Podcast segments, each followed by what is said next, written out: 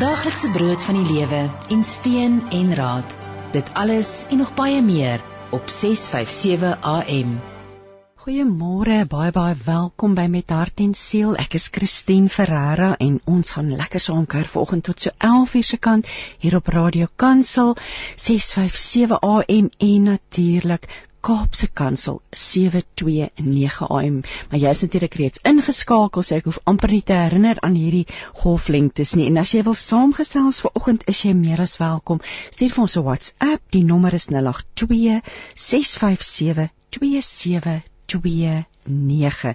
Nou vandag ehm um, het ons hele verskeidenheid gaste weer soos gewoonlik en ek gaan gesels met Chris Johnson van Strike Christian Media oor 'n splinter nuwe Bybel wat eersdaags op die rakke sal wees. Estel Venter gaan met ons gesels oor die Bybelse betekenis van die mossie. Joshua Elers gaan 'n uh, huis van geopende deure en hy gaan met ons gesels oor die krag van gebed. En Karen Swanepoel deel haar lewensverhaal en treffende getuienis na die afsterwe van haar gesin, soos beskryf in haar boek Ek sal weer 'n loflied sing. So bly gerus ingeskakel vir sielskos en hoop en inspirasie van hierdie wonderlike mense wat hulle harte met ons gaan deel en hulle geloof.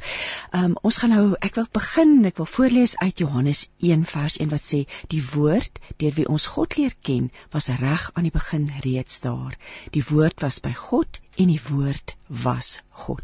Voor enigiets nog gemaak was, was Jesus al by God en hy het alles in die skepping gemaak. Niks het op 'n ander manier ontstaan nie. Hy het alles gemaak. En nou het ons vir Chris Johnson op die lyn. Môre Chris. Môre, Christine, hoe gaan dit? Ag baie goed hier met jou. So lekker om ver oggend met jou te gesels. Um hoor ja, baie dankie. Ag en ek weet die Bybel, die woord van God is lê jou so na aan die hart. Dis absoluut jou passie. Chris, wil jy nie um, vir ons meer vertel oor Strike Christian Media wat die verklarende studie Bybel ehm um, wat binnekort gepubliseer word? Of hy's nog nie heeltemal op die rak as ek dit nie mis het nie, nê? Nee? En nee, nie nou nie, maar van uh, die einde Oktober af sal dit. So dis dis om die draai. Ek dink daar was 'n bietjie oponthou rondom COVID en al die dinge. Ek neem aan julle het ook maar 'n ja. paar uitdagings gehad om om alles reg te kry. Maar Chris, as jy vir ons kan sê wat is dit wat hierdie nuwe Bybel so spesiaal en uniek maak? Ja, baie dankie. Dit is die kern van van ons onderhoud vanmôre omdat die Bybel nie net 'n boek is nie, daarom wil ek eers begin deur na die tipe vertaling wat ons gebruik het te verwys, naamlik die 3353 vertaling. Dit is die enigste letterlike vertaling wat beskikbaar is in Suid-Afrika. Ons het hier gekies om die 3353 vertaling in ooreenkoms met die Bybelgenootskap van Suid-Afrika te gebruik. Die rede waarom ons 'n verlette vertaling gekies het, is omdat die soort vertaling 'n goeie basisteks is vir 'n studiebybel, asook omdat die meeste Bybellesers ook reeds bekend is met die 53 vertaling. Nou ja, uh, daar is natuurlik baie unieke eienskappe aan hierdie verklarende studiebybel en ek sou graag eh, 'n uh, paar wou uitlig. Ag asseblief Chris, uh, dit sal wonderlik wees. Ja, uh, in die eerste plek uh, wil ek sê dat ons het en dit sal mense wat wat uh, meer verstaan van die oorspronklike tekste waardeer. En die eerste unieke eienskappe van die verklarende studie Bybel is die tekskritiese notas wat ingesluit is. Die notas kom voort teen die einde van elke teks of frase waar dit van toepassing is. Die tekskritiese notas word daar by baie verse ook verwys na ander skrifgedeeltes waar dieselfde gedagtes voorkom en waar daar herhaling daarvan is. En Chris, hierdie, ekskuus ek val jou nou in die rede, maar hierdie is eintlik baie belangrik vir iemand wat regtig die woord sy eie wil maak en diepte wil bestudeer om jy weet hierdie goed heen en weer te kruis verwys. So dit is seker die doel van dit, nê? Nee? Ja, nou nou die ons kruis verwys nie self hier nie sommige tekste ja, maar eintlik beteken dit dat hier 'n verwysingsraamwerk weergegee word van die oorspronklike baie tekste wat ver, uh, bestaan het en kom ek noem dit so afgetrek terugter is in tekste waaruit Bybels vertaal word vandag. En uh, waar die ons gekies het of waar hulle in in in dit in, in hierdie letterlike vertaling gekies het om sekere frases en woorde te gebruik kan jy nou ook sien waar die nuutste uh Bybels uh, uh manuskripte waaruit Bybels vertaal is uh, word wat dit sê. En so jy kan wel vergelyk wat die nuwe teks en uh, sê in plaas van sekere aanhalinge uh sê die nuwe uh, uh oorspronklike taalteks wat gebruik word sê dit so. So jy daai bron van inligting wat vir 'n mens baie kan help as jy natuurlik die Bybel en ander vertalings goed ken. Dan tweedens het ons 'n boek vir boek inligting. Nou elke by die begin van elke boek, kom ons neem byvoorbeeld Matteus, is daar die unieke boodskap en konteks van die betrokke boek word weergegee. Die individuele boekinleidings bied inligting oor elke boek se agtergrond, skrywer, oorspronklike lesers, doel en boodskap. Dan het ons natuurlik in elke boek van die Bybel het ons blokkies, kassies wat bo aan staan bestudeer die boek.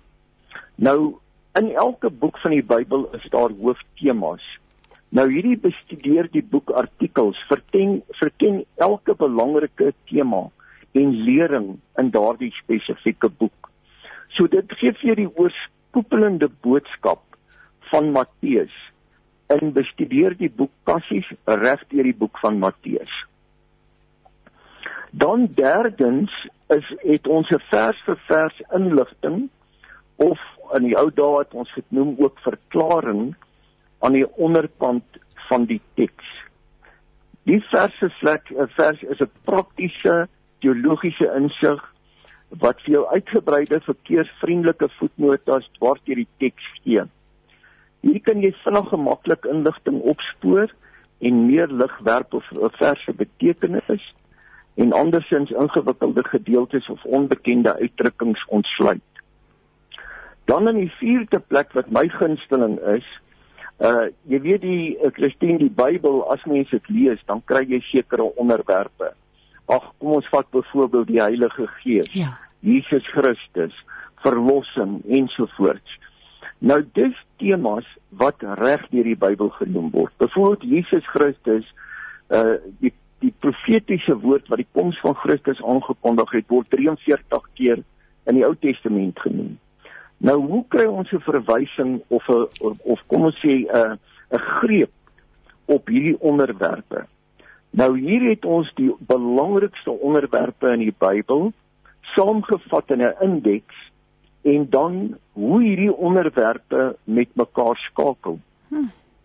Dit is 'n lys van onderwerpe, artikels en dit kom voor, die lys kom voor op bladsy 6 en dit bevat 'n volledige lys van onderwerpe wat aangeraak word. Gebruik die teks vir uh, bladsyverwysings. Uh jy kan die bladsyverwysings gebruik om by die individuele artikels maklik na te slaan. En dan kan jy of jy kan dit algaande lees soos jy deur die Bybel lees. Maar die Chris, maar dit voel vir mense of mens eintlik ure sal kan spandeer met hierdie Bybel. As jy eers gaan begin lees, gaan jy verlore raak in die woord amper nê. Nee? Ja, kom kom, kom ek wil net vir jou sê hoekom hierdie teks my gunsteling uh uh vir hierdie hierdie artikels en tematiese ja. artikels. Byvoorbeeld verlossing. Die eerste artikel bevind jy in Matteus 19. Die tweede in Johannes 3, die derde een in Lukas 7, die vierde een in Romeine 10 en dan uh die uh in weer in Matteus 7, die laaste artikel. Nou dit gee vir jou as jy dit bestudeer of ek sê altyd in 'n Bybelstudie as jy wil praat oor verlossing, is hierdie Bybel nou vir elkeen wat wil Bybelstudie doen oor onderwerpe 'n wonderlike woord want dit bring vir jou die teks wat oor jou redding en verlossing hmm. gaan. Uh neem dit vir jou reg deur die Bybel. En natuurlik kan ons dit nie uh, onbeperk gedoen het nie. Ons ons het 'n beperking gelaat op 5 of 6 artikels wat dit dan vir mense maklik maak om 'n goeie greep daarop te kry Chris, hierdie Bybel maak my baie opgewonde en ek ek ek wou terwyl voor jy my antwoord wou ek al gevra het hoe het julle besluit op watter artikels dit was seker maar 'n redelike moeilike taak geweest om om dit so af te af te jy toe en soos die Engels sê jy to narrow it down om om dan net op 5 of 6 artikels te besluit. Ja, dit is 'n dit is 'n belangrike ding geweest uh want jy weet sodra mens na die artikels gaan ons het 'n ander projekte het ons uh as ons van na temas of artikels toe is die Bybel so omvangryk het ons geland met 100 hooftemas sure. en 'n paar duisend subtemas. Hmm.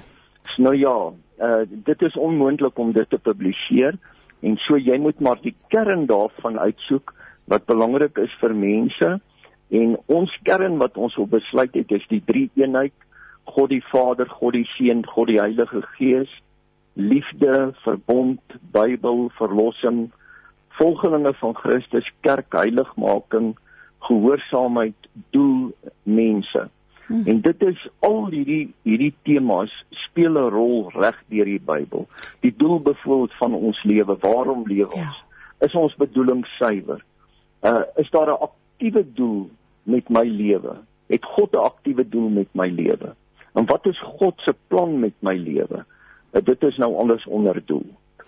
Chris, uit die aard van die saak is dit nie 'n maklike taak om 'n Bybel saam te stel nie. Dit is so groot verantwoordelikheid en ek wil 'n bietjie vir jou vra, vertel vir ons meer oor die kenners wat gewerk het en hierdie projek, bietjie oor die proses wat gevolg is.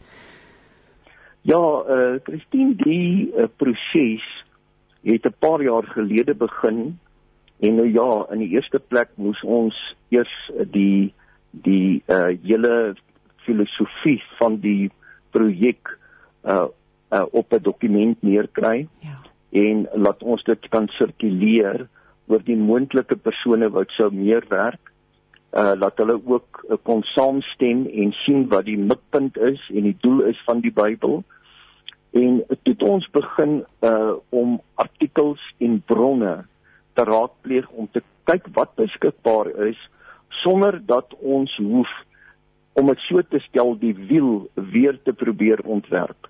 Want jy weet met alles vandag is daar soveel navorsing wat gedoen word en gedoen is nie net in ons Afrikaanse deur ons Afrikaanse teoloë nie, maar deur Engelse teoloë oor die hele wêreld en het ons bronne en kommentare as ook artikels van die Afrikaanse en die Engelse wêreld gebruik uh om die uh op die eintlike uh uh, uh artikels te besluit.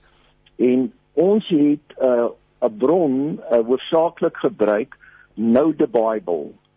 Uh to know the bible. Uh en ons het die regte gekry om baie van die artikels of die meeste van dit te vertaal. Uh deur 'n kundige vertaler En dan het ons twee van ons bekendste teoloë gevra om as redakteurs op te tree om al die notas en die konteks van elke nota te redigeer. Nou die twee persone is professor Harry van Rooi van Potchefstroom en dan die Ou Testament wat die Ou Testament geredigeer het terwyl professor Hermie van Saul van Bloemfontein die Nuwe Testament geredigeer het. Dan uh, verder is die manuskrip deur kundige redakteurs nagegaan vir enige taalfout of uh jy weet die normale uh uh redaksionele uitoefening uh van enige manuskrip. Nou die proses het amper 4 jaar geneem. Uh en daar was vele persone natuurlik met die skep en met die set van die teks ensovoorts betrokke. So dis nie 'n ding wat jy in 3 of 4 maande afhandel nie. En dan natuurlik uh finansiëel ja. is dit 'n groot uitdaging om so 'n Bybel, so 'n boek op die mark te bring. Chris, het julle dit so bedoel dat dit saam met die Bybelgenootskap se 200ste verjaarsdag gaan val of het dit maar toevallig gebeur? Nee, dit is toevallig wat dit gebeur.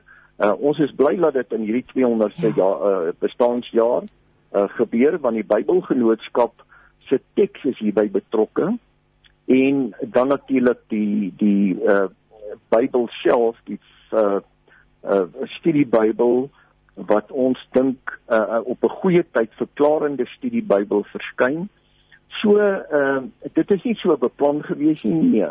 maar ons is dankbaar dat dit so kan gebeur. Uitgewerk het. Chris, ek wil nou vir jou vra wie sou dan van nou om hierdie Bybel te lees en te gebruik? Is is daar 'n plek vir nog 'n nuwe Bybel op op op, op mense rak?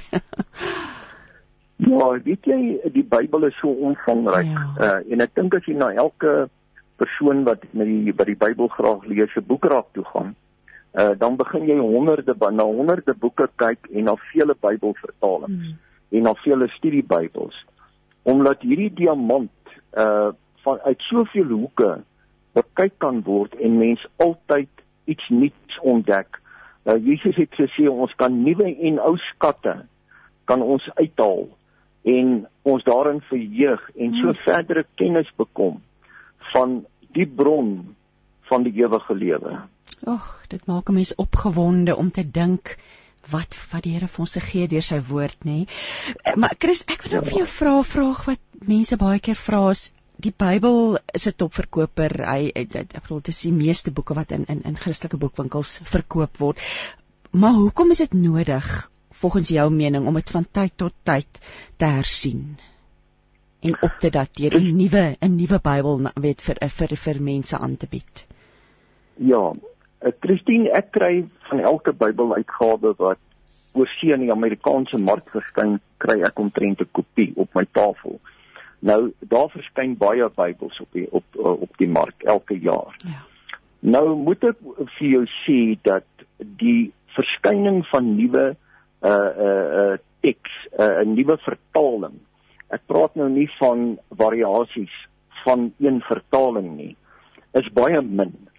Daar is sekere bekende tekste wat letterlik vertalings is wat uh 'n uh, 'n vers vir vers uh, vertaling letterlik is of strofe vir strofe vertalings is en dan natuurlik uh mense wat vertalings wat baie naby aan die letterlike lê en dan vertalings wat baie nader aan die uh kom ons uh, kom ons sê uh 'n devotional kant lê.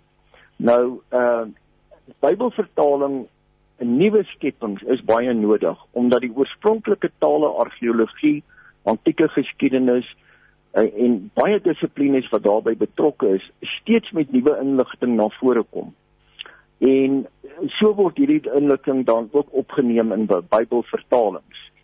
So daarom as jy byvoorbeeld die Engelse Net Bybel NET uh, kry en jy lees hom, dan is dit vir jou baie duidelik dat uh dit vir my die die vertaling is in in die lig van nuwe inligting en die lig van uh taaldissiplines wat verbeter het uh sien ons dat dit baie nodig is dat daar gedurig uh as 'n wetenskap omgegaan word met die Bybel en navorsing gedoen word oor wat die bedoeling van die teks en wat die bedoeling van nuwe ontdekkings is hier's nou 'n luisteraar wat wat wat praat en dit vra en sê ehm um, ja al die al die oorvertalings van die Bybel. Ehm um, uh, hoekom ja dis eintlik het jy dit nou op vir ons alreeds geantwoord hoekom moet ons geduldig aan die aan die woord bly vertaal? Maar jy het nou reg met reg gesê daar's kom soveel nuwe kennis na vore daar's nuwe navorsing en natuurlik taalgebruik verander. Ehm um, dis ja. dit en en Ja, maar wat hierdie jy het reeds in die begin ook vir ons genoem wat hierdie Bybel spesiaal maak is hierdie ekstra, die verklaringe, die die die die artikels, die die boek vir boek wat uitgelig word, die die die, die notas, al al daardie dinge maak ons belewenis van die van die woord net soveel dieper en ryker nie waar nie.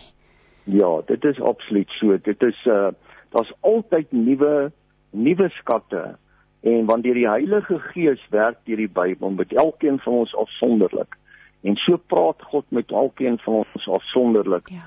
in ons bes, besondere konteks. En uh dit is hoekom ek dink 'n mens 'n uh, verskeie vertalings kan gebruik, 'n nuwe lig van vanuit 'n nuwe lig sekere dinge sien. En die meeste mense het lees meer as een Bybel. Hulle um, hulle hulle party mense hou van die Engelse Bybel en lees hulle ook nog die boodskap of uh, weet een van die 83 vertaling, die 53 vertaling. Kom ons praat 'n bietjie oor 'n paar van jou gunsteling skrifgedeeltes uit uit uit hierdie hierdie Bybel wat jy graag met ons wil deel. Ja, uh, Christine, ek het een uh, baie uh mooi gedeelte hier. Uh nou ja, dit is 'n baie bekende gedeelte en uh dit het ek die begin van die jaar al gekry hier in Januarie maand en ek het vir baie mense dit gelees. En dit is die bekende Jeremia 29 vers 11. Och, ja. En in die ou vertaling staan daar uh, in 53 vertaling want ek weet watter gedagtes ek aangaande julle koester spreek die Here gedagtes van vrede en nie van onheil nie om julle 'n hoopvolle toekoms te gee. En jy weet die hele Bybel is vir my so toekomsgerig gerig op my toekoms uh my lewe hier op aarde gerig op die toekoms van die wêreld gerig op toekoms van nasies en volke tot met die wederkoms van Christus. En dan natuurlik behalwe dit is die twee geweldige beloftes wat wat vir my besonder is in vers 13 en julle sal my soek en vind as julle na my vra met julle hele hart. En dit is natuurlik die vereiste as ons vra met ons hele hart. En ek sal my deur julle laat vind, spreek die Here, en julle lot verander en julle versamel uit al die nasies. Nou ja, eh, die die sleutel is soek, nê? Ja. So moet ons die Bybel lees, soekende, vertroue op God dat hy sy woord vir ons sal oopmaak. So moet ons vroeg in die môre begin soek na leiding vir die dag. Uh en so moet ons soek deur die dag dat God ons sal met ons sal praat en dat ons hom sal hoor. Nie net deur sy woord nie, maar deur sy gees. Mm, dit bly net een van die mooiste en die kosbaarste skrifgedeeltes daar in Jeremia 29 vers 11. Ja. En ek neem aan daar's ook dan heelwat uh van hierdie spesiale wat ek wil dit nie byvoegings noem nie, maar van dit wat hierdie studie Bybel bied is dan is daar's ook baie dinge rondom Jeremia 29 dan. Ja, en jy sekerlik in die vers tot vers kommentaar onderaan uh, 'n baie goeie gedeelte en natuurlik van die artikels wat baie aansluit daarmee by God se belofte dat hy op vir gebed want hierdie hele, hele ding gaan nie net om God se seën nie maar dit gaan oor gebed ons wat moet soek ons wat moet roep tot God Hier's nou 'n luisteraar wat vra Ehm um, sy het geluister na 'n uh, program, 'n ander program wat ook oor 'n Bybel gepraat het en sy vra is hierdie die Bybel wat so sover moontlik die naaste aan die oorspronklike Hebreëse woord is of is dit 'n ander Bybel hierdie? Nee, nee, dit is dit is die die, uh, die letterlike vertaling. En letterlik beteken man maar so na moontlik. Uh daar is nie 'n Bybel wat Grieks of Hebreëus woord vir woord kan weergee nie omdat die grammatika en die en die en die woorde so verskillend dit is kan ons sê so na as moontlik en dit is wat 'n letterlike vertaling is. Daar's nie een vertaling op die mark tensy jy Grieks en Hebreëus kan lees om te gaan sê presies dit is wat die oorspronklike taal was nie en ook nie juis nie want uh die oorspronklike uh, manuskripte het hy baie manuskripte bestaan wat saamgevoeg is en wat uh, uh 365 jaar uh in die jaar 365 eers is die kanon vasgestel watter boeke in die Bybel is. So die die daar daar daar is nie werklik uh 'n woord vir woord vertaling uh, nie maar 'n letterlike so na as moontlik. En natuurlik wat 'n mens so gerus stel rondom hierdie Bybel is om te weet absolute kenners het aan hierdie Bybel gewerk. So dit, dit is mense wat weet en hulle Bybel ken, beide professors eh, weet van die Ou en die Nuwe Testament. So dit maak dit net so 'n lieflike geloofwaardige Bybel om in jou op jou boekrak te of langs jou bed bed op jou bedkassie te hê nie waar nie. Chris Ja, nee, verseker dit dit ja. dit boesem vertroue in. Absoluut nie, want in die manier die professionele manier hoe dit aangebied word en dit maak dit net ag dis my dis eintlik so heerlik en dat dit in Afrikaans is, nê? En ons mense wil tog jou Bybel in jou in jou eie taal lees. Hier's nou uh, iemand wat vra waar kry mense hierdie Bybel in die hande? Uh, dit sal by alle boekwinkels wees uh, wat Bybels verkoop. Uh ek ek kan seker nie name noem nie, maar Kom Boeke, CNA, Exclusive Books, alle PNA's en dan asook aanlyn boekwinkels. Oral waar mense op die internet kan bestel, sal hy beskikbaar. Is iemand wat sê wat sal die koste van die Bybel wees, Chris? Christine, dit gaan 'n verrassing wees. Jy weet 'n dagboek kos vandag R295. Ja. Nou die goedkoopste weergawe is R295. Dis 'n harde band. Sure. Dan het ons 'n uh, 'n bande wat 499 kos en dan het ons egte leerbande pragtig in uh, in 'n geskenkdose verpak vir 799. So, so dit wou... is 'n baie bekostig tog bekostigbare Bybel. Absoluut en ook 'n wonderlike geskenk 'n uh, 'n uh, geskenk wat 'n lewegewende ewige geskenk as jy vir iemand daai pragtige leeromslag want ek wou juis ook vra oor die formaat. So hy's is hy hoegenaamd in sagte band beskikbaar of slegs harde band? Dit slegs harde band omdat dit 'n studiebybel is en mense ja. verwagting is dat hy baie gebruik sal word het ons dit net in stewige bande verpak en nie 'n sagte band nie. Ag, dit is so lekker om om te hoor en so heerlik om met jou te gesels, Chris. Um ek wil baie dankie sê vir jou tyd en en en dankie vir die wonderlike werk wat jy doen. Jy's al so jare wat jy vir ons Bybels en boeke bring, Christelike leesstof via Strike Christian Media via Kom. So ons wil baie baie dankie sê vir vir jou bydrae. Ek dink dit is absoluut um, eintlik van onskatbare waarde. So nogmals dankie Chris. Dankie Christine en ons vertrou die Here sal hierdie Bybel ook seën en mense inspireer en toerus en uh, deur sy woord. Ek wil net herhaal, dit is die verklarende studie Bybel. Ek het met Chris Johnson gesels. O ja, hier vra iemand nou weer, wat is die die Bybel se naam? So ek herhaal net graag vir ons, dis die verklarende studie Bybel. Dit word uitgegee deur Struik Christelike Christelike Media.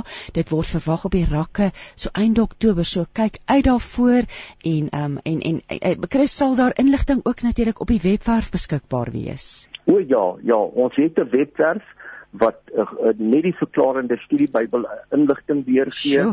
Opstryk opkom uh op al die webwerwe sal dit beskikbaar wees so, vir Bybelskool. So ons hoef net in te tik verklarende studie Bybel en dit ja. gaan opkom. Dit gaan dadelik ja. opkom. Ja. Hoe hoe besluit mens op 'n titel? Want dis seker moeilik, nê? Nee? Ja, kyk verklarend. Ons wou graag uh deurgee dat dat die Bybel hier die Bybel verklaar homself ja. en laat die teks en die notas en die artikels daarop gerig is om die bron, die teks self te verklaar en oop te maak vir die leser. Ag, dit maak soveel sin. Dit is die verklarende studie Bybel. Chris, nogmaals dankie vir jou tyd vanoggend. Dankie, ek waardeer. Daar sê totsiens Chris. Totsiens, totsiens luisteraars.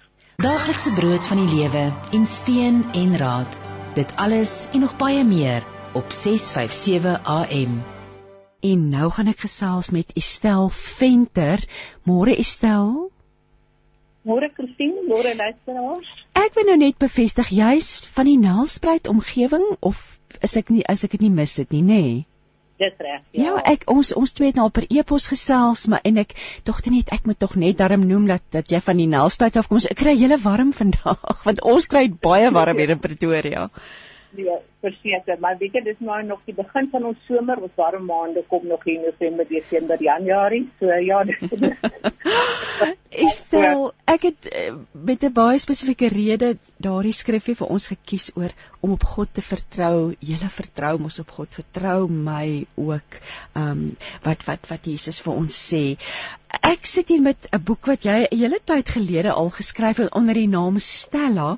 Um en dit sê met 'n mossie op my bicycle. Um 'n vrolike omslag met rooi papawers, 'n vroutjie op 'n fiets. Vertel vir my wat het jou laat besluit om hierdie boek te skryf? Of miskien voor jy begin, wil jy nie vir ons net so ietsie oor jouself sê nie? O, ehm dis dis eintlik ek op die fiets jare lange vriendin wat ek saam mee groot word het graad 1 het my gaan afneem terwyl ek myself op my fiets gery het en ek het hierdie ouma bes van week in my boek vertel ek het haar swart kantrok aan en ja dis hoe die skildery gemaak het en daarvan die omslag gemaak het. Maar ek is maar 'n Nelspruit gebore girl en ehm uh, ek het nou 'n gasthuis uh drie seuns uh uh nog twee dogters saam met my man en een klein kind vir wie ek baie lief is en ons sê en ja, dit is dit is my lewe. Dit klink nou baie lekker lewe want Nelspruit is tog so 'n pragtige dorp, seker amper 'n stad. Hy word seker amper na 'n stad verwys, nê? Nee? Estel, maar nou wil ek vir jou vra, wat het jou laat besluit om hierdie boek te skryf? Sjoe, weet jy, ehm um, Rosa Liebenage het so uh nee, ek weet nie storie nie. Sy het geskryf waar die mossie minste vandaan kom en ek het jare gelede op haar Facebook bladsy toe lees ek oor hierdie ontstaan van die mossie minste uit die Anglo-Boereoorlog en dit het my diep getref en ek het dit dadelik vir Henny my man aangestuur.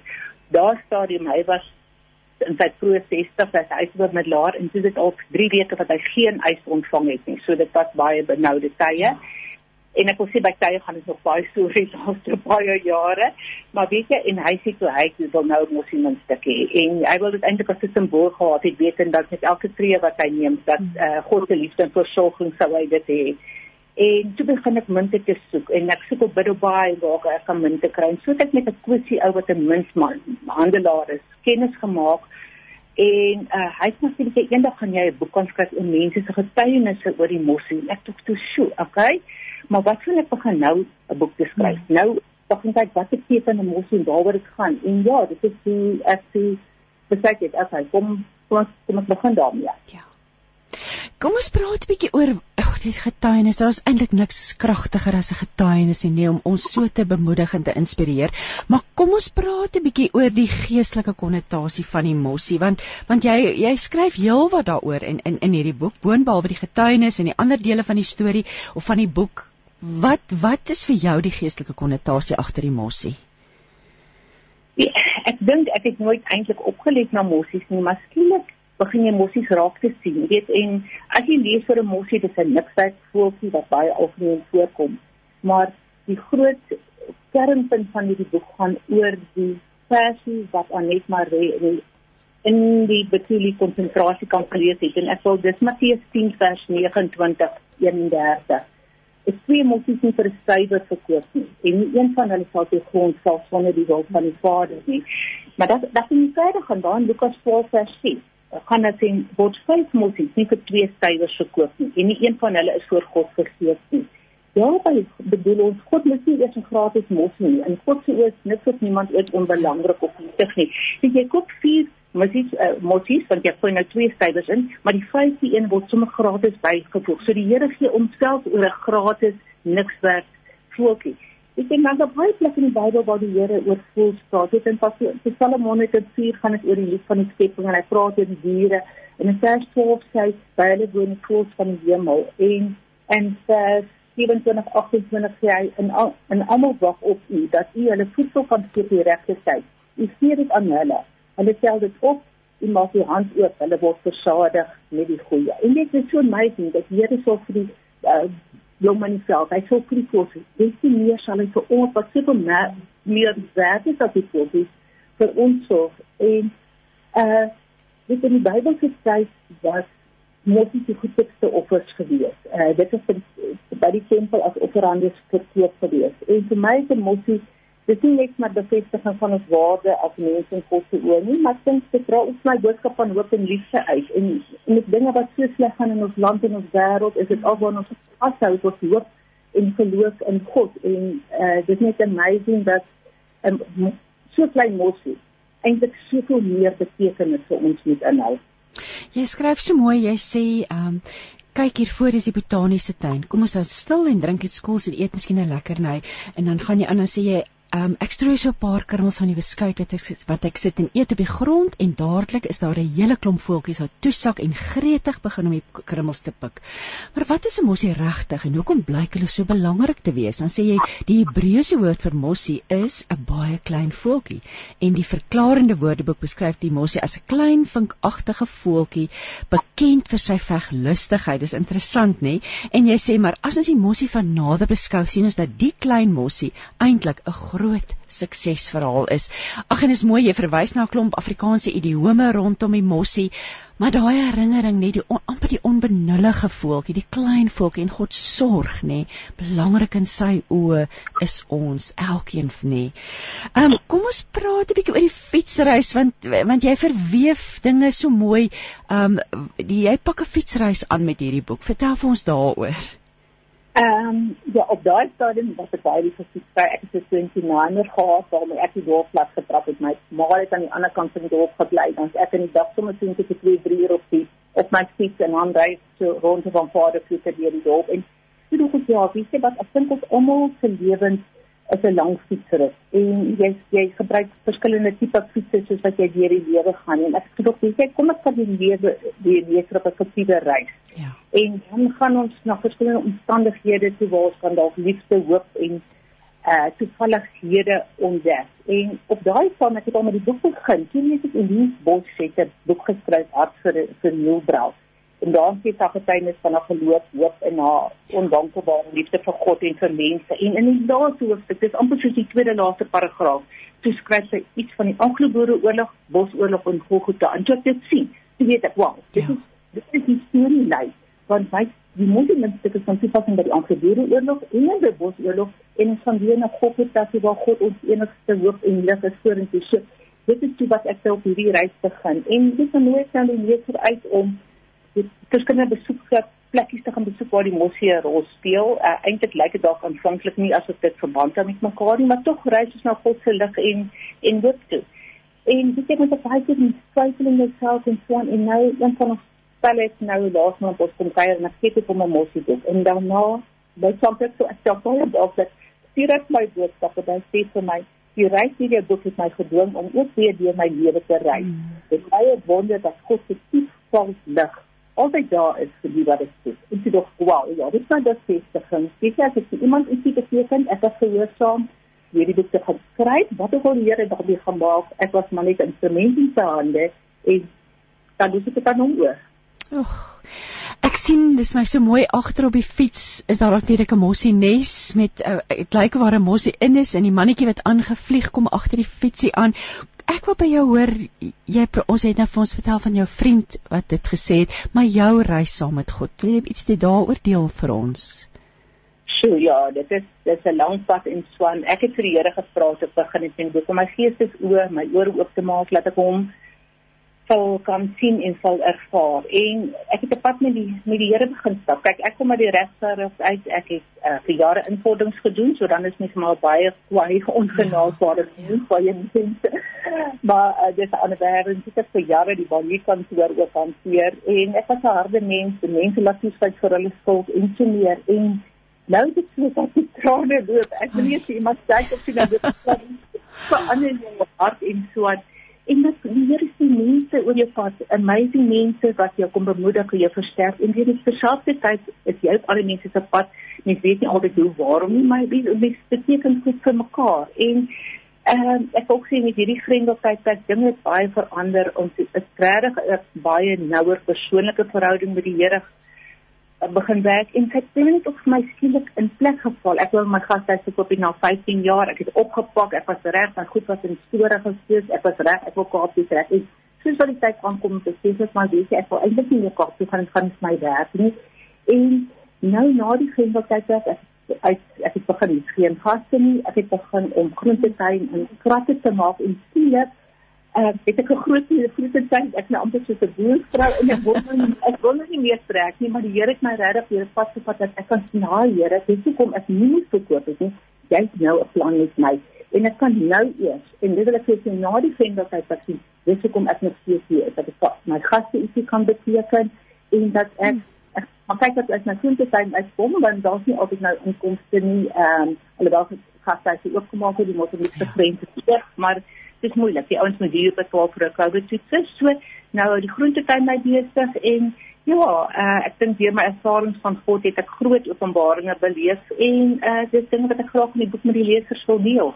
Ja, ek ek wil vir jou vra nog 'n paar van die belangrike boodskappe want jy skryf oor 'n wye verskeidenheid onderwerpe. Wat sou jy sê is van die belangrikste boodskappe wat jy met die lesers van die boek wil deel? As mens eers kyk na die woord toevallig, ehm um, weet daar's uh, dan moet jy dit meer sien dat toevallig is. Ek sien dan net maar dit is eintlik toeval God se lig, 'n goddelike ja. lig. Dit is my baie daarin. En dan dink ek, mens begin die klein dingetjies raak, jy sien mos nie se klein onbelangrike dingetjies, jy begin om raak te sien. Jy stel baie keer brons muntstukkies op in 'n parkeerterrein, maar as jy dit kom optel, dan sê, "Ons het iets wanneer ons 'n 50 stuk op op die ou 15 sê ek sê, dank die Here vir die moslimmense want as ons ja. op moslimmense gehad het dan sou dit 'n sens gewees het op ons sien wat ons opgetel het so dat sal altyd erkenning aan die Here gee hmm. en dan ek dink my belangrik is die steinsye die daai tyd hier nie te werk men wat ons van baie deur die steinsye en dan moet ek net dink ek sien ek, ek kom nader na God toe en uh om 'n persoonlike verhouding met hom te staan. Ek het daaroor gesels en ek self jy vyf persoonlike ervaring. Ehm um, met meer soos net die boervrouens om medemense met liefde, deernis om te behandel. Ehm um, ek het baie daai uitgeleer nie my my reg kwai daar wat ek weet nie ek met mense anders hanteer en so en dan is dan as volgens daai Jesus se kruis steeds die mens moet my sê hierdie hoop en genade vir die ewigheid dat ek sien uit om hemel toe te gaan en saam met hom vir ewig te wees. Dit is vir my die toppunt van dit die ultimatum van my lewe.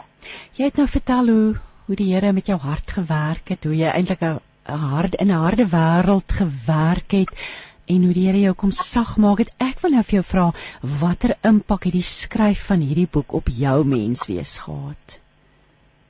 Ehm, um, so baie. Ek wil eintlik sê uh baie dinge verander vir my. Uh ek dink dit is super mense wat mense hier oor my pad gestuur het, maar op my ding sê ek ek het net regtig ek het 'n veranderde mens geword. Ek het uh die hele laat maak met ander sosiale fokus boekmerk en alles en ek het ek het dit eers klaar ek het by in bos gekoop en daarna het ek dit vir tomorrow restoration gesê dis 'n huis ook aan die straat van my vir mishandelde vroue en kinders en nou verkoop hulle daai uh mosie items vir fondsinsameling en vir hulle. So dis my goed.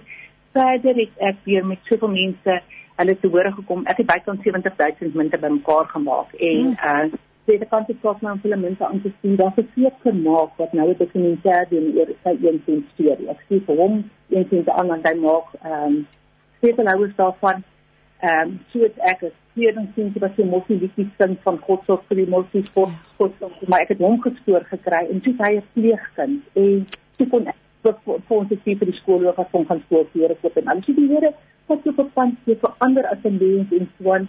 Ehm daar was 'n ander ding wat jy nou van 'n boek gelees het dat elke skildery wat sy vers teken sy emosie in. Dit is seker op die teken dit is seker getuienis dat dit terugkom na my wat ek dink wow this is amazing hoe die Here uh, dit kan verander. En dit sien vir my as mens is o nee dis 'n totale omkeer in ou se lewe. Mm, en moet dink op een klein muntstukkie wat soveel impak kan hê nê wat jy gesê wat jy gesê die lê so kragtige verhaal agter hierdie voeltjie. Jy het nou vertel van jy's in jou ouma van die Anglo-Boereoorlog wat dit uh, ja jou ouma se kant rok. Wat vertel vir ons 'n bietjie oor die lesse want jy skryf ook daar oor die lesse wat jy by jou ouma geleer het So ja, ek dink weet jy, uh hierdie boervrouens is nou so leef van hulle en aangebore oorlog. Hulle is verseker hulle geloof in geloof, hulle hoop, hulle vertrou in God. Dit is wat hulle gehad het. Dit is ongelooflik sterk. Hulle weerstand vermoë, innerlike krag, hulle standvastigheid, hulle geloof. En hulle het alles verloor. Hulle besittings, hulle vryheid, hulle geliefdes, hulle geld, hulle waardigheid, alles en al wat ook en wat moet gehad hou. En hier skryf my die ouma Krusie hier, maar sy mamma ouma Bes.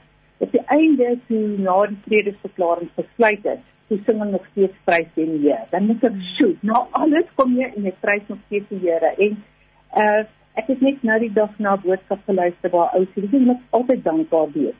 Want jy weet nie waarvan jy gespaar is nie. En dit was my so ai as wanneer van dis ja, dis nou gaan kamp in so groot plek water langs ons en ons tog wow, ons kon eintlik in die plek water gekom het. So dankie Here, ons is baie bly. So as jy kan opgewonde raak in alle omstandighede en jy jy jy kyk hierdie uh, blyskap en ek dink dis hierdie boervrouens nou weer wat hulle alles is. Dit is nog steeds uh, goed aan die kant uitgekom en ek het 'n liefde vir die boervrouens. Ek het nou betrokke geraak met die Disman land boervrouens en vir hulle op 'n Facebook plek uh, gestig 'n dokter boer waar ek probeer om finansiële bydraes vir hulle te kry want weet jy hulle hulle skooltyd wat ek van met wat kinders op skool en universiteit het as mediese onkoste werk is net so wat as boervrouens wat nie werk is nie hulle werk soos plaaswerkers op die plaasie ek het 'n dier nog gekry te doen en ek dink met ouma se stories ek net maar ek wil ook gaan te, om, om te besef wat gaan aan daar buite wat gaan aan met ons diere en ja dit is dit is vir my om nie net nou weer van om na ander mense uit te reik in nood. Ja. Weet jy die konsep van hoop want jy sê volg 'n reis per fiets oor die hoop wat mossies openbaar. 'n reis van geloof uit die erfenis van Betuli na God se lig en liefde. Ons het nou so verwys en vlugtig en ons ons so praat so asof mense die storie ken van die mossies en die mossie muntstuk en wat hierdie vrouens die besluit of die die amper die belofte wat hulle gemaak het. Wil jy net vir ons luisteraars net 'n bietjie meer daaroor vertel nie? Ehm um, in die Anglo-Boere, tweede Anglo-Boere oorlog by die Betuli konsentrasiekamp was daar Anet Maree en sy was vir die aantal gebod van die Here wat gaan sy vir die vrouens die volgende dag sê met die uh by ehm um, by die studie wat hulle hou. Ja. Sy maak die Bybel oop en sy lees vir daai Matteus 10 vers 29 en vir twee mossies interessant verkoop nie. Geen mossie sal die grond sal sonder die wil van die Vader nie. Elke haar op jou kop te vertel. En sy sê dit lees, sy kom sit daar so vol mossies op haar skouer. En uh die vrou het toe net gesê, "Wie as hulle uit die oorlog uitkom, dan wil hulle mossies op die goedkoopste muntstukkies laat eksgrafeer." en sit hulle daar weer president Steyn van nou dan met sit hulle hierdie mossie minste projek van stapel gestuur en so hulle was dit 'n simbool van hoop en geloof. Uh veral vir hulle man wat tot die bitter einde toe gesê het. Ja. Moet jy wys hoe waardevol is hulle in God se oë en dit is net nog so van toepassing op ons van vandag. Vertel 'n bietjie jy het ook self 'n draai gaan maak saam met jou man op Betuli. Watter impak het dit op jou gehad? So ek het Betuli was die ehm um, konsentrasiekamp wat die meeste sterftes gehad het. Dit hulle daar was tot 276 mense per maand wat daar dood is. Hulle aan ondervoeding gelei die kom is weer 'n rivier geskryf van die dorp af. So dan kom as al reën was, dan die is so die voorrade kon weer kom nie. Uh die die, die water waarmee hulle pakkies maak was swart van modder gewees. En die daar ek ek het daar gehoor van 'n 'n kind wat vra om iemand van 'n krummel aangee dit so honger is. Dit was 'n ander kind wat gesê sê vir my ma ek weer van honger sit. Dit is dit sulke dinge wat jy baie diep raak, maar vir Sudi daar's nou 'n 'n museum daar, ek het met presidente daar gesels. Dit is dit die hele geskiedenis van ons Afrikaner wat daar voortleef ehm um, in Betuli. Kom ons praat oor hoop want dis amper vir my die boodskap die die heel belangrikste boodskap wat wat na vore kom in ons ons ons, ons ja hoop. Jy sê hoop is meer as net 'n emosie. Gevoelens kom en gaan. Om te wens is nie hoop nie. Positiewe denke is nie hoop nie. Doel doelwitstellings is nie hoop nie. Ware hoop kyk met vertroue vorentoe kom ons praat 'n bietjie oor bietjie nog oor hoop Ek ek dink as ons nie hoop het nie, is ons verlore. Ek dink dit is al waar ons kan vat. Nou veral in hierdie tyd, ek dink in hierdie grendeltyd, jy hoor van baie ellende, baie swaar kry. En uh weet jy as ek met hierdie boervrouens praat, uh hulle sê elke dag hoop hulle vandag is die dag wat die reën gaan kom. Jy weet en as jy by Hanelie uh sê hulle vir 8 jaar, het al nie reën gehad nie. Maar kyk net as jy vir 8 jaar elke oggend opstaan en jy die hoop dit gaan vandag kom reën. Dit is nie hierdie uh vandag gaan dinge verander. En jy bly net in God glo met hierdie algehele hoop vandag is die dag. En ek dink dit is hoe mens jou lewe moet hê. En dit is dan Romeine 15 vers 13. Dit is my so mooi gestel dat sê en mag die God van hoop julle vervul met alle blydskap en vrede deur die geloof dat julle oorvloedig kan wees in die hoop deur die krag van die Heilige Gees. Dit is net my awesome en ek dink dit is vir ons nie hoe ons moet daagliks lewe.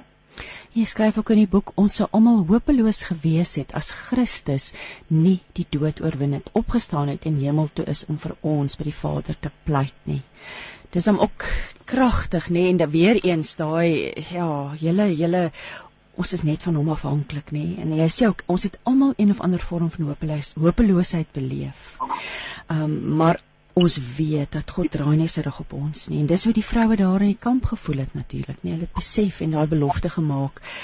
Ehm um, Estel, ek wil vir jou vra, is die boek nog beskikbaar? Waar kan mense die boek in die hande kry? Ja, dit ek het dit herdruk. Hulle kan my WhatsApp stuur vir boodskap stuur op my selfoonnommer. Uh my nommer is 082 801 3607. 082 801 3607. Ja, ek gaan uh, van my kant af die nommer net herhaal. Ehm um, as jy met Estel Venter wil kontak maak uh, oor haar boek met 'n mossie op my bicycle is haar selnommer. Jy kan 'n WhatsApp stuur na 082 801 3607. Skus Estel en ja, wou jy, wou jy nog bygevoeg is nog is daar 'n e-posadres of verkies jy die WhatsApp? Ja, ek het my e-pos stuur. Ek is dit is Stella, S T E L L A @center my van venter67.co.za. Daar sê ek gaan net op weer herhaal nee venter@gmail of nee ek dink jy moet nou weer sê ek het neergeskryf stella@venter67.co.za is dit korrek Ja, dis reg. Ja, die Venter 67 is ons gastehuis se naam. So dis waar oh, dit vandaan kom. So ek het vir 'n oomblik het het ek gedink net nou soos by by Gmail maar okay, dis stella@venter67.co.za. Stella, laaste gedagtes van jou kant af vanoggend. Uh Nee, ek ek kan net vir die Here baie dankie sê vir die pad wat hy met my gestap het dat hy dit aan my uh op my pad gebring het om die boek te skryf dat dit 'n verandering in my lewe kon maak het. En ek glo deur dit kon ek weer 'n verandering in ander mense se lewens maak en dit is my super makliker om nou om met mense oor die Here te praat oor God se sorg. Ek ek kry met die gaste baie vreemde mense te maak wat aan my kom soveel mense het hartseer hulle stories en dan as ek hulle die boodskap van hoop kan gee en ek kan met hulle oor die Here op hierdie basis gaan praat, dit maak dit vir my makliker en dan maak die mense oop en dan begin hulle met jou te gesels oor hulle omstandighede en so begin ek dan oor die Here te praat. Hmm. Ek het nou so laaste nuuskierige vraagie, hoeveel van daardie 70000 muntstukke is nou nog oor? ek weet nie wie stel nie, ek het baie ek het baie skryf onder my soekertafel mense wat wil hê is welkom my te skryf wat hulle posgeld betaal sal ek hulle stuur maar ek het van die kwart pennies dit nie almal beset daar was kwart pennies aanvanklik aan die groot en koper half sente toe tot die bruin 1 sente gekry later was daar vir kort periode in die 70 te klein half sentjies en dan na jou kleinste 1 sent stukke hulle maak natuurlik nie meer daai 1 sentjies ja. nie omdat 11 sent kos om so 'n sent te maak Kan jy glo? Ag, Estel, baie baie dankie vir jou tyd vanoggend dat jy met ons gesels het en mag die Here jou seën hierdie positiwiteit en hierdie hoop en die boodskap wat jy so graag met ander wil deel. Mag die Here regtig hierdie pad seën vir jou.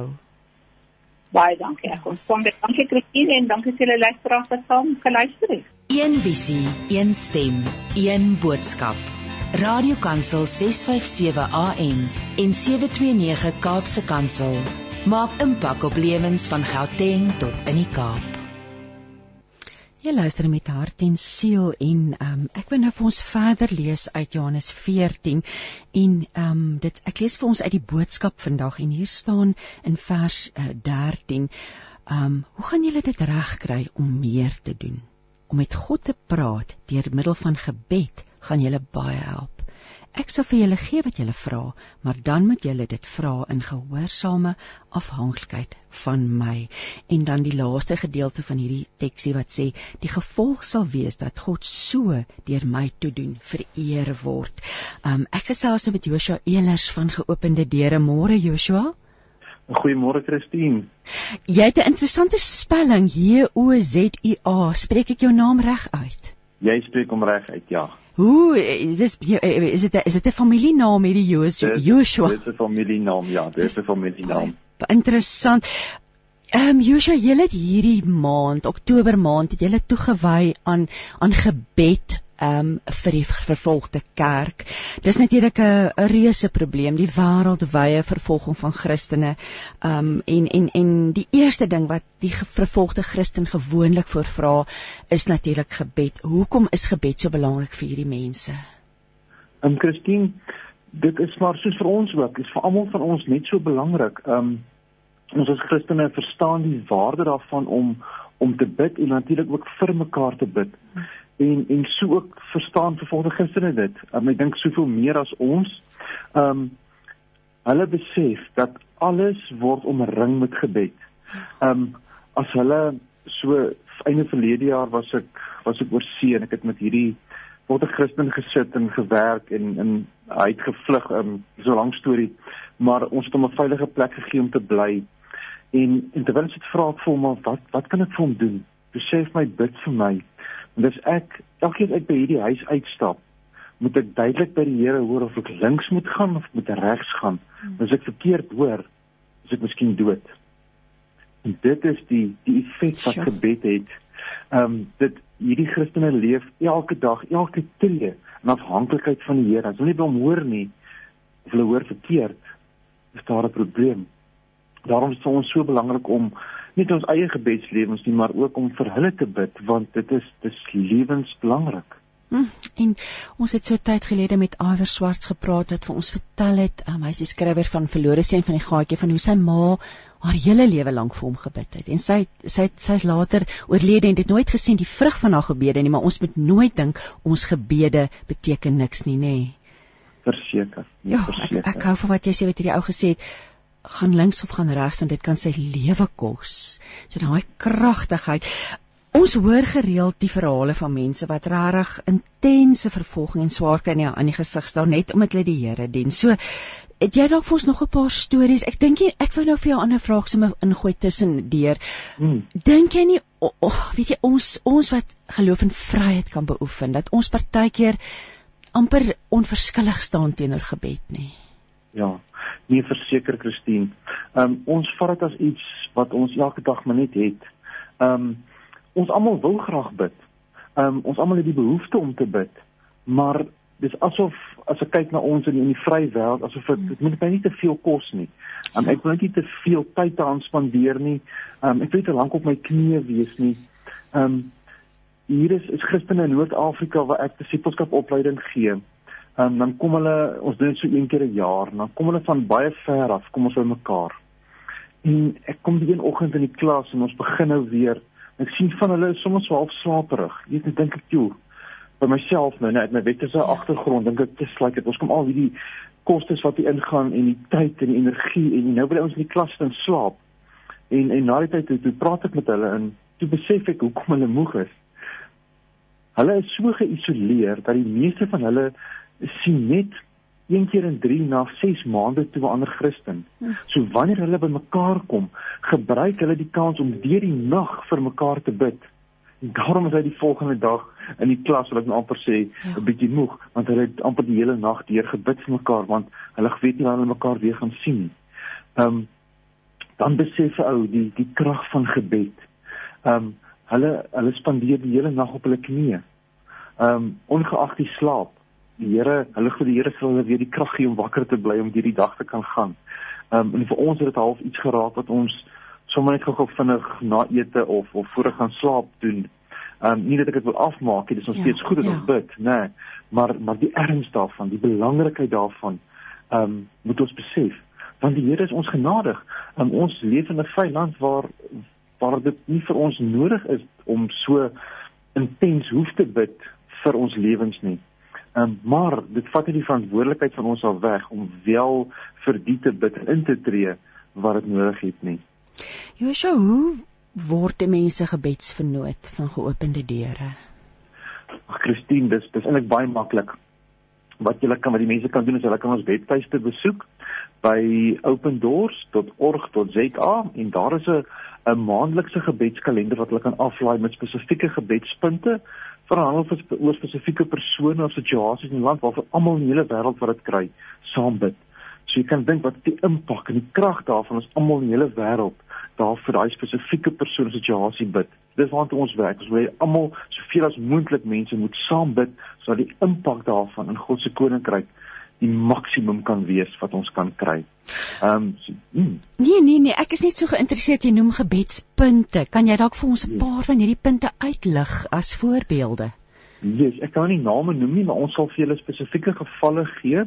Ehm um, uit verskillende lande uit. So ons 'n spesifieke persoon se naam gee. Dit sal heel moontlik 'n skuilnaam wees. Ons sal vinnig vertel wat gebeur het en wat is die gebedsversoeke rondom dit. En dan 'n paar maande later as ons weer terugvoer gee oor dit, die situasie verander, het dit nog nie verander nie en waar is 'n nuwe gebedsversoeke waarvoor ons kan bid. Sodat dit wissel maar hang maar af van situasie tot situasie waarvoor ons dan bid, maar dit dit gee ou nogal so 'n bietjie jy kan half tred hou met met wat gebeur met ons gebeure. So dis net net in die ek wil sê in die nie lig bid nie. Ja, ja. Waar ons kan gee ons terugvoer ook en dan kan ou volg wat gebeur met die gebeure wat ons eie geloofslewens natuurlik aanraak, né, om te sien hoe die Here gebed beantwoord. Ek is nou so geïnteresseerd hoe hierdie netwerk werk. So sal het julle dan verteenwoordigers wat die gebedsversoeke deurgee? Ehm um, dis ook seker nie altyd maklik nie omdat hierdie mense vervolg word. Ehm um, hoe werk hoe werk dit? Soveel soveel as jy nou vir ons kan weergee of vertel mm -hmm. sonder om nou die mense in gevaar te stel. Nee, natuurlik. Christine, hoe dit werk is ons natuurlik in al die lande waar ons werk, die vervolgde lande het ons kontakte. So hulle stuur vir ons hulle gebedsversoeke uit. As wanneer iets onmiddellik gebeur of dalk langtermyn gebedsversoeke stuur hulle vir ons deur. Ehm um, die wat ons natuurlik kan deel, dit deel ons. Ons kan nie alles deel nie. Dit gaan nie oor ons, dit gaan oor hulle lewens. Dis maar alwaaroor dit gaan. Um, om hulle te beskerm. Ehm um, maar baie van daai gebedsversoeke kom dan word dan opgeneem in ons gebedskalender elke maand. Maar dan elke week stuur ons ook gebedsversoeke uit wat handel oor spesifieke lande met spesifieke situasies. Nou dis natuurlik nood SMS wat ons uitstuur en nood e-posse. So as daar iets so inkom um, wat onmiddellik gebed nodig het, stuur ons onmiddellik na almal toe 'n SMS of 'n e-pos waarin daai spesifieke gebedsversoek dan uitlig en dan vra ons vir die mense om spesifiek te bid. So dit gebeur dis buite die gebedskalender en dan die gebedspunte wat dan is. Ehm um, so net om so 'n bietjie idee te gee oor so ou kan dan op so 'n manier betrokke wees. En hoeveel mense reg oor die wêreld want geopende deure is 'n internasionale organisasie. Hoeveel mense bid so reg oor die wêreld saam? Christine, dit dit wissel ons nou maar, so is my baie moeilik om te sê. In Suid-Afrika het ons omtrent so 36000 mense wat wat saam bid vir dit. As natuurlik baie meer want ek meen uh, so nuusbriefie, ons stuur elke 2 maande 'n nuusbriefie uit met ook die gebedskalender in. Ehm um, hy trek natuurlik baie wyer want daar gaan een na huis toe maar daar's 5 of 6 mense binne 'n huis. So eintlik met 'n rassie werk maal met met baie meer. Ehm um, so die die die werklike impak oor die wêreld ehm um, sal net die Here sekerlik weet hoeveel mense regtig ehm um, bid vir dit. Ja, dit maak 'n mens baie opgewonde om te dink dat so 'n groot groep mense dan saam bid vir een onderwerp. Uh, uh, Josua, vertel 'n bietjie vir ons oor die gebedsgids wat jy hierdie maand bekend gestel het. Um, wat was die doel daarvan? Wat behels hierdie publikasie alles? Right, Christine, dankie dat jy vra. Dit is nogal vir ons 'n baie belangrike ding. Ons het voorgesê dat alles word omring met gebed en is gebou op gebed. Ons het hierdie gids saamgestel, hierdie gebedsgids wat ons noem beroep jou op die Here volgens die stukkie in Psalm. Ehm um, en dit is 'n opbou vir ons internasionale dae van gebed wat strek van 1 tot 8 November. So ons sommer die hele Oktober waar ons nou is en die hele November en gaan deur in Desember en waar ons gaan bid. En dan gaan ons spesifiek in hierdie gids, en hy's gratis op ons webwerf te beskikbaar waar jy mense hom kan aflaai. Hy gaan vir jou daar's 'n paar getuienisse in, soos ek met julle gedeel het, maar dan ook baie duidelik gee hy vir ons um, oor spesifieke dele in die wêreld soos die Midde-Ooste, Latyns-Amerika, Suidoos-Asië, gee hy vir ons 'n bietjie agtergrond en dan kan ou bietjie dieper begin indelf en dan bid. Want ons spesifieke dae toegeken aan spesifieke gebiede waarvoor almal dan saam bid. Ehm um, so hierdie gids is is gratis op ons webtuiste. Mense kan hom daar aflaai en dan kan hulle saam met ons bid. Ja, en dit kan 'n heerlike nuwe dimensie aan jou gebedslewe bring, nê? Verseker. Om, om deel daarvan te wees. Getuienisse, ag getuienisse is so belangrik en en so kosbaar. Het, het jy net dalk nog een of twee om met ons te deel nie asseblief? Ja, nee, verseker, Christine. Ehm um, Ek gaan ek, ek wil so 'n bietjie meer persoonlik maak. Ehm um, jy weet dat geopende deure ehm um, Christelike materiaal in in hierdie geslote lande inneem. Ehm um, en wanneer ons dit doen, dan is ons baie afhanklik ook van gebedsvernote. So wat sal gebeur wanneer ons in land aankom? Onmiddellik as ek land, sal ek 'n SMS stuur en sê ons is sopas geland. En dan word almal op ons netwerk ingelig dat daar sopas 'n groep geland, hulle moet nou bid. Maak nie saak wat tyd van die dag of nag dit is nie, want daai tas vol Bybels moet nou deurgaan. En oor my 13, 14 jaar by geopende deure het ek elke keer gesien hoe die Here daai deure oopmaak. Hm. Jy staan daar en ek ek sit myself in dieselfde skoene as 'n volte Christen. Ja. Ehm um, ek het gister weer gehoor van van een van ons boeties ehm um, wat die kind sy sy sy paas voor hom doodgemaak. En toe is daar petrol oor hom uitgegaan en in brand gesteek. Hm. En hy het oorleef. En hy het nou ons gebede nodig. Ja. Net soos ek daar staan op hierdie grenspos en ek kan niks doen nie. En dis absoluut in die Here se hande of hy tas deur gaan of nie vir my gaan stop en my gaan weer soek of wat gaan gebeur kan hierdie boetie van ons ook niks doen nie. Ehm um, hy was vasgehou, hy kon nie keer nie, hy kon niks doen nie. Maar wat hom nou deur help is ons gebede. Ehm um, ons sit ons kan so 'n bietjie verstaan wat deur hy gaan, nie net ten volle nie natuurlik nie. Maar as ek in sy skoene was, so ek graag wou gehad het mense moet vir ons bid, want wanneer ek daar op 'n grens staan, is my gebed, Here, dat soveel as moontlik mense bid ek bid maar laat soveel as meer nog mense bid. Maak hulle wakker as jy moet dat ons hier kan deurkom want dit is al wat ek nou het. Daar's niks anders nie.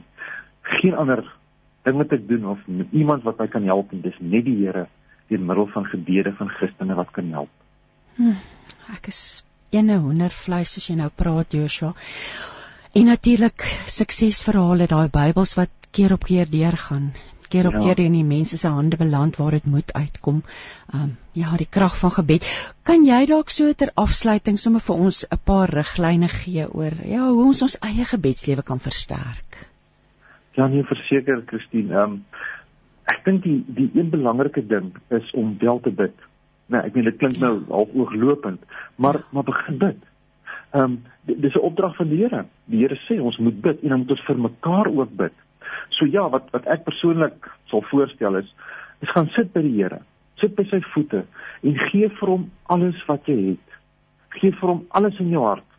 Al jou bekommernisse, al wat jy graag wil vra, al wat jy van hom wil hê, gee alles vir hom.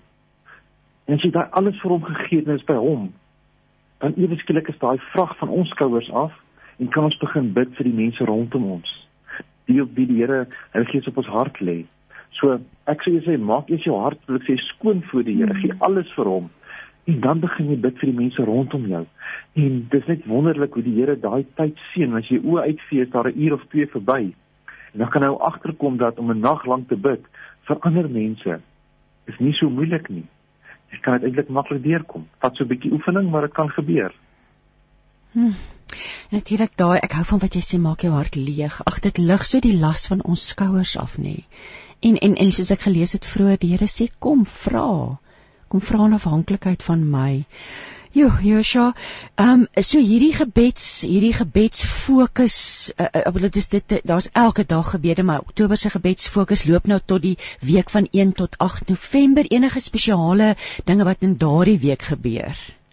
Ehm, daai week is ons ons IDOP wat ons noem ons internasionale dag van gebed vir die vervolgde kerk, so reg deur die land um, van die eerste Sondag tot die tweede Sondag in, in November het ons dan optredes by kerke, ons het by selgroepe, by Bybelstudiegroepe. So as enige iemand ons graag wil nooi na hulle Bybelstudiegroep of ehm um, selgroep, is hulle baie welkom. Ons sal met hulle kom deel, ons sal hulle kans gee om te bid. Ons kan persoonlike getuienisse vertel soos ek nou 'n bietjie gedeel het. So die mense baie welkom op ons webtuiste kan hulle ons daardie kontak of hulle kan ons nommer daar kry by die kantoor en net 'n versoek insit en ons sal hulle weer kontak en dan reël. So maar die fokus vir daai week is dan om spesifiek tyd in gebed te spandeer vir die vervolgde kerk. Och Joshua, ons sien uit na al die wonderlike getuienisse wat natuurlik hmm. na vore gaan kom en en waarvan julle te hore gaan kom en weer gaan deel met met mense op die webwerf. Ek wil graag die webwerf se uh, detail net weer herhaal. Jy kan gaan kyk na opendoors.org um, www.za en en en tik 'n mens dan net in gebedskalender gebeds gebed eh, sal sal die inligting van self dan nou na vore kom. Hy sal sommer self opkom en hy sal al wees en dan kan hy sommer op hom klik. Ag, hoorie. Ons ons ons bid vir julle, ons bid seën oor julle werk en en en en ja, vir sukses vir hierdie tyd, um hierdie gefokusde gebedstyd en ag, ja, mag die Here net julle julle hande en julle voete seën en en waar julle ook al mense aanraak in hierdie wêreld van vervolging dat dit regtig waar ja tot eer van hom sal wees alles wat jy doen. Nogmaals dankie vir jou tyd Joshua ons waardeer dit. Baie dankie Christine vir die geleentheid. Radio Bruisend van Lewe. Ja dis 657 Radio Kansel en 729 Kaapse Kansel Dis nou pas 10:30 en nou gaan ek gesels met Karen Swanepoel.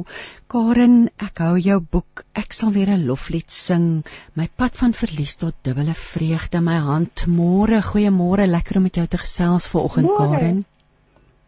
Pas, daar's hy. Nou hierdie boek. Ag, dis 'n besonderse boek. Um jy het 'n besonderse lewensverhaal. Wil jy nie sommer vir ons net 'n kykie gee, so 'n oorsig gee van wat alles met jou gebeur het nie? Ek het in Januarie 2012 het ek my man en my kinders in 'n motorongeluk verloor. Ehm um, ek was self ook in die ongeluk gewees, baie ernstig beseer, 3 weke in die ICU gewees, maar wonderbaarlik herstel met die Here se genade. Ehm um, so dit is maar die groot trauma in my lewe gewees, maar ook het ek my oudste suster in 'n motorongeluk verloor in 1995. Ehm um, sy was maar net 22 jaar oud gewees Ehm um, so dit was ook maar erg om my, my suster in die dood af te staan en dan is my ma ook oorlede in 2017 aan kanker.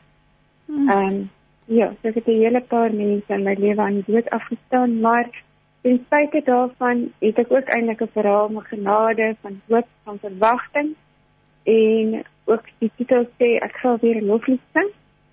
En ehm um, ja, so my verhaal het daar 'n mooi ja. einde ook as ek dit so kan stel. Ehm um, so you know, dan vreugde en ja, in my verhaal ook. Dis my ag op die agterblad staan daar 'n aanhaling deur jou wat sê ek wil getuig van die hoop wat in my leef. Ek wil deur my lewensverhaal te vertel 'n inspirasie wees vir ander wat hulle eie pynpad stap sodat hulle kan weet en kan glo jy kan weer 'n loflied sing. Wanneer het die gedagte van 'n boek in jou begin leef, Karen? Dit was in 'n baie kort na die ongeluk. Dit was omtrent 10 weke na die ongeluk. Ehm um, toe ek ons huis moes gaan oppak het en ons ry net en 'n vriendin kan by dit daar my buite staan. En soos ek en sy toe nou gestel het, het sy vir my gesê maar jy moet 'n boek skryf. Ehm um, so dit was baie kort na die ongeluk. Sy het ook vir my 'n joernaal bekend gegee en sy het my gesê jy kan so lank daarin begin aantekeninge maak want dalk gebruik jy dit eendag om 'n boek te skryf en jy gebruik dit in jou getuienis. So dit het baie kort na die ongeluk gebeur. En ek neem aan, skep ek my Nee, ek wil sê ek neem aan hierdie skrywerry het ook 'n rol gespeel in jou genesing. Absoluut ja. Ja, want om te sien net waar was ek en ook om pad te stap tot waar vandag was. Vandag is. Ehm um, definitief ja. Kom, kom ons praat. Ja. Oh, jy jy skryf oor en daar's wonderlike interessante dinge wat jy en raad wat jy vir mense gee, maar so die ongeluk het gebeur. Jou lewe was ek kan neem aan totaal aan skerwe. Maar jy praat ook ja. nou weer van die dubbele geluk. Kom ons vertel vir ons luisteraars die pad van die ongeluk af tot nou asseblief. Ehm so na die ongeluk het ek toe nou na my maale toe getrek in Mosselbaai. Ehm um, om my nuwe lewe nou maar hier te begin. En ehm um, nie so het die Here my ja, het hy ook maar net Here vir my oopgemaak en elke keer vir my die volgende stap gewys. Ehm um, ek was skaars in Mosselbaai. Toe het uh, ek is 'n deskundige eintlik. Dis my beroep, maar ehm um, met my kinders het ek nie gewerk nie. So ek het vir 6 jaar nie gewerk nie ehm um, waar ek vandag baie dankbaar is want ek was al my tyd wat ek met hulle gehad het, het ek met hulle spandeer. En so dit is ook 'n groot stuk genade dat ek dit kon gedoen het. Maar in elk geval toe het ek en my ma verby die hospitaal gery en ek sien toe daar is 'n bordjie uh, waarop staan die kundige. En maar daar was nie 'n telefoonnommer op nie. En ek sê toe my ma kom ons gaan net sommer gou in, dan kan ek net sal hoor of sy dalk iemand nodig het in die toekoms want ja, wat gaan ek nou eintlik met myself maak? En ek stap toe daarin en sy sê vir my, ek sê vir ek is nou nie te moeg verby en ek wil net hoor of sy dalk hulp nodig het. En sy kyk my so aan en sy sê vir my, nou jy stap hier in asof jy engel is. En ek vra toe nou maar hoe so en sy sê vir my ek dink nou net wat gaan ek met my praktyk maak want ek en my man gaan Kanada toe ingeneem en sy het nog nie 'n koper vir die praktyk gehad nie, sy het nog nie iemand gehad wat die praktyk wou oorneem nie. En so is ek nou haar oplossing en sy is my oplossing. Ja. En toe het ek um, ons het 'n maand lank hier nou saam gewerk en toe is sy oorsee. En maar die werk het 'n baie baie belangrike rol ook in my emosionele herstel gespeel want dit het my besig gehou. Ehm um, ek moet opstaan elke dag, moet werk toe gaan. Ehm um, as ek as ek iets vir ander mense beteken. Ehm um, ja, so en ek dink dit is my behoud. Ehm um, vir die Here het geweet hy moet iets skryf om my besig te hou en my betekenis te gee sodat ek nie heeltemal vasgevang is in my verlies en nie vorentoe kan gaan nie. Ehm um, so, so dit is toe nou ek het nou begin werk en mettertyd het hy dan nou ook ook baie toevallig was nie iets wat ek beplan het nie wonderlike man oor my pad gestuur en ons is toe later getroud en uh jy ons groot sterk begeerte om kindertjies te kan hê en ek is toe 43 jaar het hy my geseën met 'n tweeling seun en dit En ja. Ag. Ek kan regtig vandag weer 'n loflied sing. Absoluut. Ja. En getuig van die Here se goedheid en sy genade. Ehm um, die ja. loflied, jy verwys natuurlik na Psalm 3 vers 43 vers 5 vertrou op God. Ja, ek sal vir hom weer ek sal weer vir hom 'n loflied sing. Hy is my helper en my God. Ek wil vir jou vra oor hoe iemand wat dalk luister en en en groot seer beleef, groot verlies wat wat luister na jou en dink maar hoe het jy weer sin en betekenis gekry in jou pyn? Hoe doen 'n mens dit? Ja, eh, wel die die belangrikste ding is maar dis absoluut die Here, dis die Here se genade, die Here se teenwoordigheid um wat jou help daardeur. Um ek nie enige mens sal alleen daardeur kan gaan en dis absoluut die Here wat jou daardeur dra. Um jy moet net aan hom vashou Hy sal vir jou die krag gee vir elke liewe dag, elke liewe tree wat jy moet gee, is hy met jou en hy sal jou daardeur lei. Ehm um, ek kan absoluut getuig daarvan dat dit is maar hoe ek daardeur gekom het. Die Here het my gehelp, maar ook ehm um, ander mense, ehm um, familie en vriende. Gebed. Ehm um, daar's soveel mense wat vir my gebid het wat ek nie eens van geweet het nie. Ek het nou na die tyd gehoor dat ehm um, ek was op 'n klomp gebedsgroepies se reise gewees, ehm um, wat mense vir my gebid het hier in Suid-Afrika oor see. Ongelooflik baie mense het my gebid en definitief het daai gebed my ook weer gedra. Want ook aan die begin, mense so oorweldig, jy weet nie eers mooi wat om te bid nie, jy, jy weet nie om wat in jou hart om te gaan vir die Here te sê nie. En ek dink in daai tyd ook het almal wat wat gebid het ook namens my ook gehelp om my gebede te verhoor aan die Here en my krag te gee en my ehm um, ja, elke nag dag genoeg krag te gee om, om aan te gaan. En dan die ander ding wat my ook betekenis gegee het, juis omdat ek my suster ehm um, verloor het, ehm um, in die dood afgestaan het, het ek die vraag gehad, maar hoekom is ek nog hier? Ja. Hoekom ja. is my lewe verleng? Ehm um, en ook alhoewel ek nogal ernstig beseer was, ek het wonderbaarlik herstel. Ek het niks oorgehou van my beserings nie.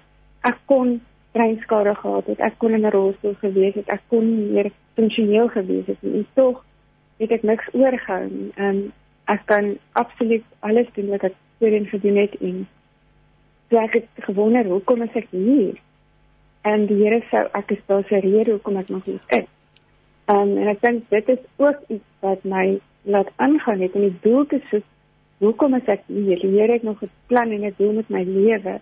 Um en dit het ook baie sin en betekenis aan my lewe gegee dat ek dat ek besef het maar ek het 'n tweede kans gekry. Ek moes eintlik nie hier gewees het nie. Ek moes ook nie daai ongeluk oorleef het nie, maar tog is ek hier en ek besteer eintlik niks nie. Um wat my mooi wat my kosbaar in die Ah, oh, ekskuus Karen. Ja, wat my kosbaar in die boek is is dat jy jy die boeke in 'n verskeie dele verdeel. Jy, jy vers, beskryf jou lewensverhaal en en en wat alles met jou gebeur het.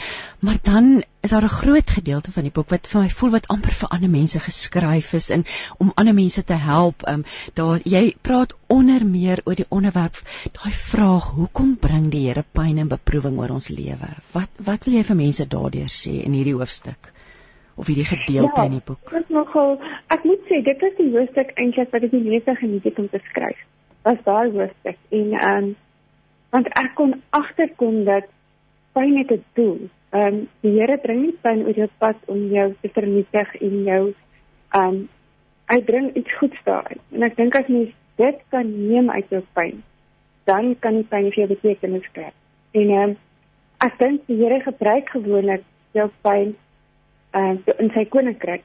Hmm. En so uit jou storie kan jy dalk iemand anders help ehm um, wat dieselfde omstandighede as jy getref is. Ehm um, en ook uh, as jy op jou swakste is, is hy op sy sterkste. En jy gebruik juis iemand wat soos byvoorbeeld ek wat glad nie emosioneel sterk is nie. Almal sien my so. Maar tog ehm um, die Here my daardeur gedra. So dit wys dat hy gee jou die krag en hy help jou daardeur, hy dra jou daardeur. Ehm um, en dan die ander ding ook deur jou pyn word jy gevorm en jy groei as mens. Ek dink mens groei nie as jy in jou gemaksone is of as dit goed gaan met jou. As jy geneig om maar net aan te gaan. Maar as iets slegs met jou gebeur of jy gaan deur trauma, dan verander daar iets in jou karakter. En ehm um, ek dink vir die Here gebruik ook swaar kry en beproewing om 'n mens te vorm en net te laat groei. Ehm um, en dit is ook ten goeie. Ek dink daar seker dele van jou wat nie sou ontwikkel het ten volle nie as jy nie daar swaar en pyn gehad het nie. Ehm so daar se doel daarmee ook om jou te, vorm. Ehm um, en dan ook om soos ek nou nog gesê het om jou jou pad met ander mense te deel. Jy gaan nie verniet deur al hierdie trauma nie. Iewers is daar iemand daar buite wat presies dieselfde as jy ervaar het en wat ook op die plek was wat hulle wonder hoekom en nie nou vorentoe. En jy kan dit daai persoon ondersteun uit jou storie en daardie persoon help om vorentoe te gaan. Dis ook vir my mooi wat jy skryf, die doel van jou pyn is om God te ontmoet. En jy verwys ja. daarna Here Jesaja 53 vers 11 wat sê na sy bitter lyding sal hy weer die lig sien en hy sal die Here ken. Ek wil vir jou vra hoe die dood jou lewensperspektief verander, Karen. Ehm um, ja, ek omdat ek so baie mense aan die dood afgestaan het. Ehm um, het ek besef dat die lewe se geskenk. Um 'n lang lewe is nie gewaarborg nie. Dis nie net ou mense wat doodgaan nie, dis nie net siek mense wat doodgaan nie. Die dood kan jou enige tyd tref. En um ek dink as jy eers soveel mense verdood het, dan besef jy hoe waardevol die lewe eintlik is. Um en dat jy elke dag eintlik sinvol moet lewe, elke dag betekenisvol moet lewe. Um met jy nie weet hoe lank jou lewe gaan wees nie. Ehm um, so dit is baie belangrik, maar ook ek ek het ook besef ek het 'n tweede kans gekry en nie alle mense word 'n tweede kans gegee nie. En juis omdat die Here vir my 'n tweede kans gegee het, ehm um, is dit soveel meer belangrik dat ek regtig iets met my lewe doen en iets doen met hierdie tweede kans wat hy vir my gegee het, want ek sou eendag rekenskap op moet gee oor wat ek met my tweede kans gedoen.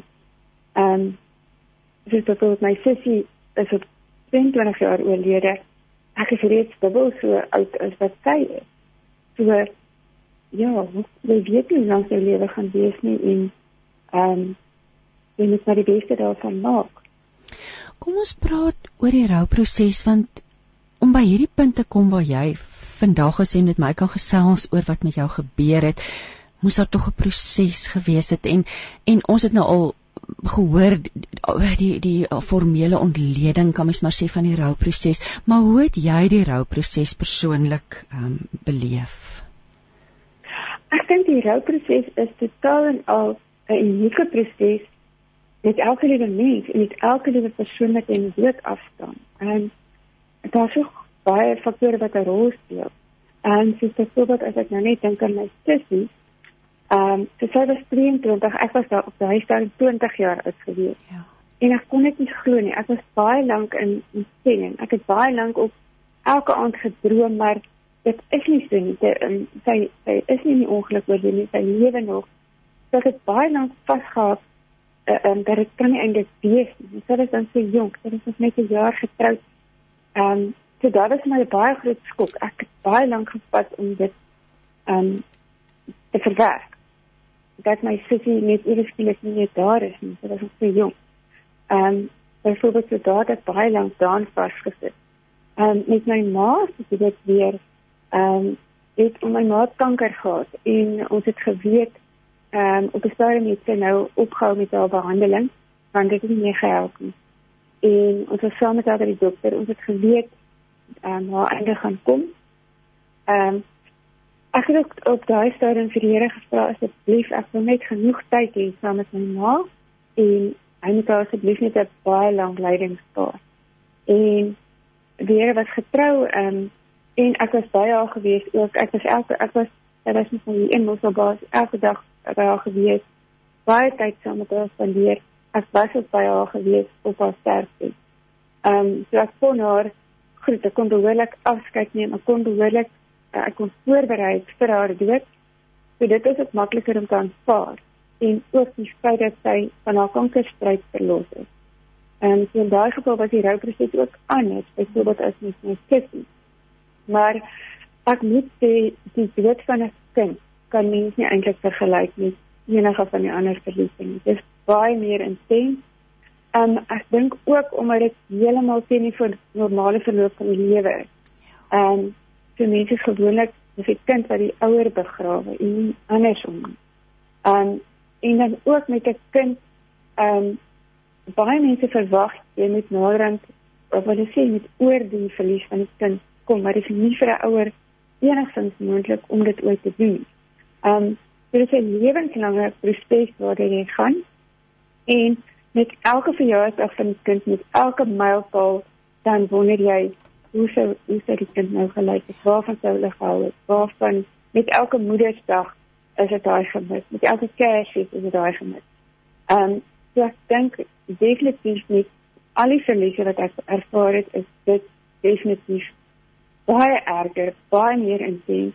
Want dit is ook dis 'n deel van jou hart eintlik wat saam met jou wegry. Ehm um, ja, so die hele proses wat ek ook ehm um, nie eintlik met die sielkundiges saamstem nie. Alhoewel as jy nou al die fases neem van die rouproses, volg die fases glad nie kronologies op mekaar nie en jy kan op 'n dag self in verskillende fases wees. Iets kan jou net weer terugbring na die vorige fase toe. Dit is regtig 'n aanlopende proses en dit is baie bevallig. Ehm um, ja, en soos ek gesê het, uniek vir elke liewe persoon en nie vir elke mens wat jy in die dood afgestaan het. Ehm um, ja, ek dink ander mense moet dit ook besef dat hulle kan nie van jou verwag hoe jy moet rou of nie. Dit is 'n iets wat jy self moet gaan op jou eie op jou eie tyd. Ehm um, ja, en jy sal die persoon eintlik mis die res van jou lewe. Jy leer maar net naderhand om dit te lief saam te leef. Jy leer maar om dit saam met jou te dra. Karen, jy het 'n hele gedeelte in die boek wat jy uh, noem of jy die op, opskrif daarvan is gereed gereedskap om jou toe te rus om die pynpad te stap. Wil jy nie ietsie daarvan met ons luisteraars deel nie asseblief? Ja, daar is ook eintlik 'n baie spesiale gedeelte vir my om te skryf want ehm um, terwyl ek in die hospitaal is en terwyl ek herstel het, het, het ek soveel mense my boeke gesien gegee ehm um, kaartjies bemoedigende kaartjies met teksverse uh, en Bybelversies en dit is al daai goed wat ek op die ouend gebruik het in die deel van die gereedskap van die boek. Ehm um, so dit is goed wat persoonlik vir my iets beteken het. Dit is goed wat persoonlik vir my getroos het. Ehm um, wat ek graag met ander mense wou deel. En dan is daar ook ondersteuningsgroepe. Ek het byvoorbeeld en en dit het baie gehelp om uit te reik na mense wat jy dieselfde gaan as jy.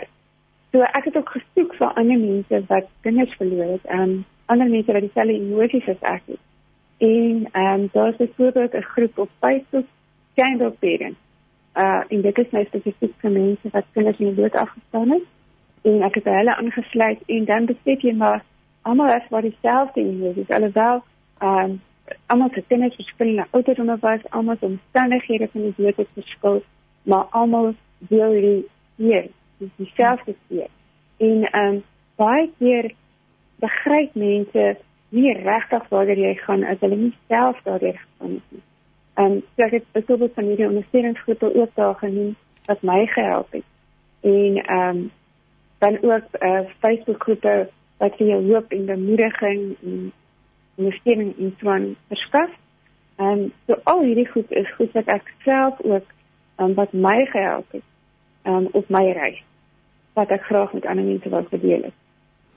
Ja, want jy deel webwerwe en blogs. Dit is my so ja. interessant hierdie tyd wat ons in leef met die sosiale media en die, die kollig nou so met met die pandemie COVID pandemie daarop geval het hoe ons eintlik met mekaar kan tog kommunikeer en tog kan uitreik deur hierdie sosiale media platforms.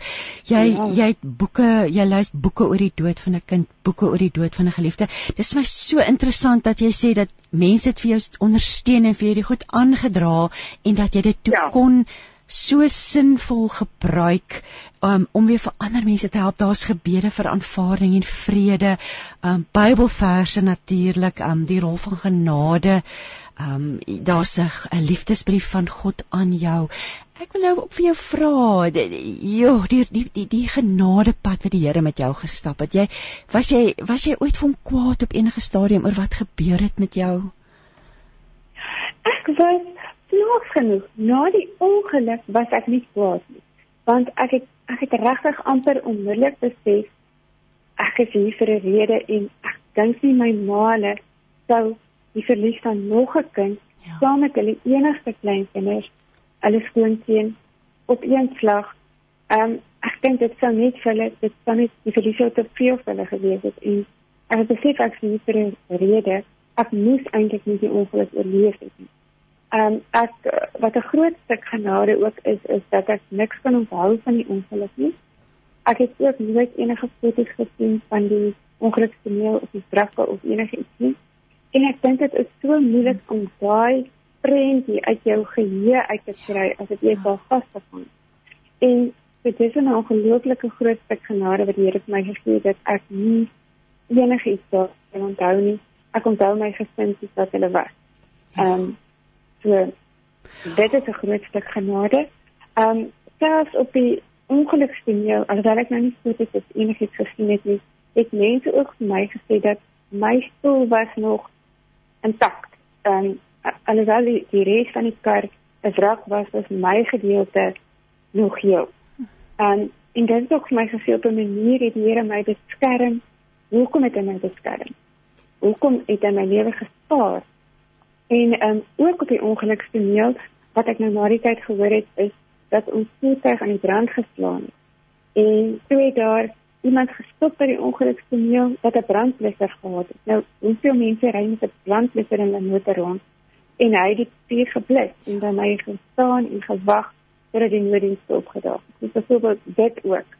Ehm um, dis genade dat daai persoon dat die Here daardie persoon op daardie tyd met 'n brandblusser in sy voertuig verby die ongeluk geneem gestuur. Ehm um, en dan as ek nou vroeër ook genoem het die feit dat ek absoluut niks van beserings oor het nie.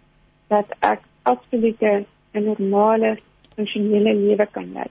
Ehm um, dat ek wonderbaarlik herstel het wat die dokters gesê het gaan baie langer neem as wat dit op die eind geneem het. Um dis ook 'n groot stuk genade. En ja. dan ja, so absoluut daar is daar's eintlik soveel genade uh, bewyse van genade wat ek kan noem in my verhaal. Um ja, ek weet dis amper te groot vir ons om te verstaan nê. En dat vir my om na jou te luister en in die boek te lees en te hoor wat jy sê, Ja, kom ons gesels bietjie oor die tweeling. So dit moes 'n wonderlike dag van vreugde vir jou gewees het vir jou en jou man Andrei toe hulle gebore is. Ja, nee, o, oh, absoluut. Ek kan nie dis onbeskryflik. Ja, mens kan nie daar gevoel. Ja, daai absolute dankbaarheid. Ehm um, vir daai twee ons wonderwerkies. Ja, hoe, hoe lyk die toekoms? Skus tog. Nee, ek wil nou vir jou vra hoe lyk die toekoms vir jou? Hoe sien jy die toekoms? Ja, sjoe. Ek dink ag ja, dit ek is so wonderlik dat ek hierdie nuwe absolute nuwe lewe gekry het. Ehm um, en en 'n tweede kans en 'n tweede kans op liefde, tweede kans op geluk. Ehm um, en ek weet dat daar gaan weer ehm um, beproewings op my pad kom, maar ek besef dat die Here sal my daardeur dra. Ek is reeds weer so groot beproewing ehm um, dat wat ook al vorentoe op my pad kom, ek weet hy sal my hand vashou en hy sal my dra en hy sal my lei. Ehm um, so ek het nie vrede vir die toekoms nie. Ek ehm um, ja, ek weet dis in sy hande en ja. Sjoe.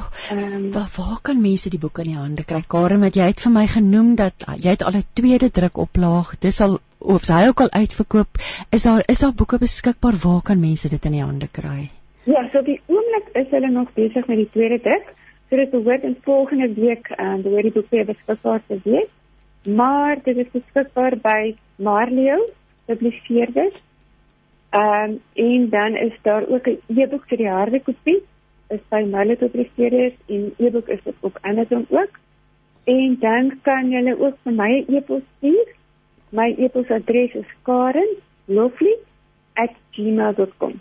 Karen Lovely een woord en Karen K A R E N.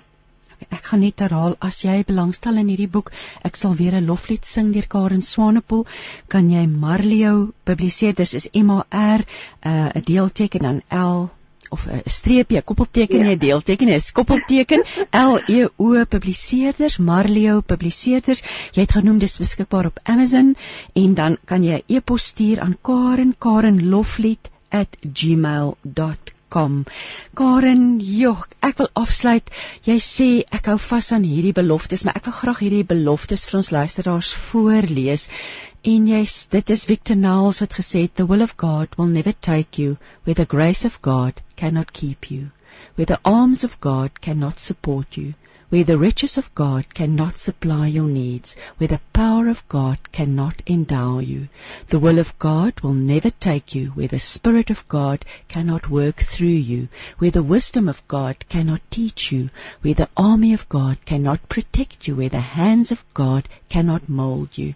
The will of God will never take you where the love of God cannot enfold you, where the mercies of God cannot sustain you, where the peace of God cannot calm your fears, where the authority of God cannot overrule for you. The will of God will never take you where the comfort of God cannot dry your tears, where the word of God cannot feed you, and where the miracles of God cannot be done for you and where the omnipresence of God cannot find you. Laaste gedagtes van jou kant af Karen oor hierdie beloftes. Dis absoluut die waarheid. Ek dink ehm um, baie keer sê mense as iets sleg gebeur, dit is nie die wil van die Here nie, maar dit is dit is sy wil. Ehm um, maar wat jy moet onthou is hy help jou daardie. Wat ja. daardie ehm um, wat jy nou gelees het, is absoluut so. Hy sien elkeen van jou behoeftes dwars deur die beproewing So dit is sy wil, maar hy sal dit in goeie laat neerwerk en hy sal jou dra um, en lei daardeur. Hmm. Ja. Baie baie dankie vir vir jou getuienis en dat jy dit gedeel het in jou boek Karen. Ons tyd het nou opgeraak aan hierdie kant, so ek wil vir jou baie dankie sê. Ek dis tyd om te groet. Ek wil dankie sê vir Paul manne vir die tegniese bystand. Ag en liewe luisteraar, soos altyd is my gebed vir jou dat die Here met jou sal wees, dat jy sy teenwoordigheid sal voel. Ag ons bid vir ieder en elk, ons bid vir ons land, ons bid vir almal wat swaar kry en ons loof en prys die Here vir sy goedheid en sy groot genade. Tot volgende week dan. Totsiens.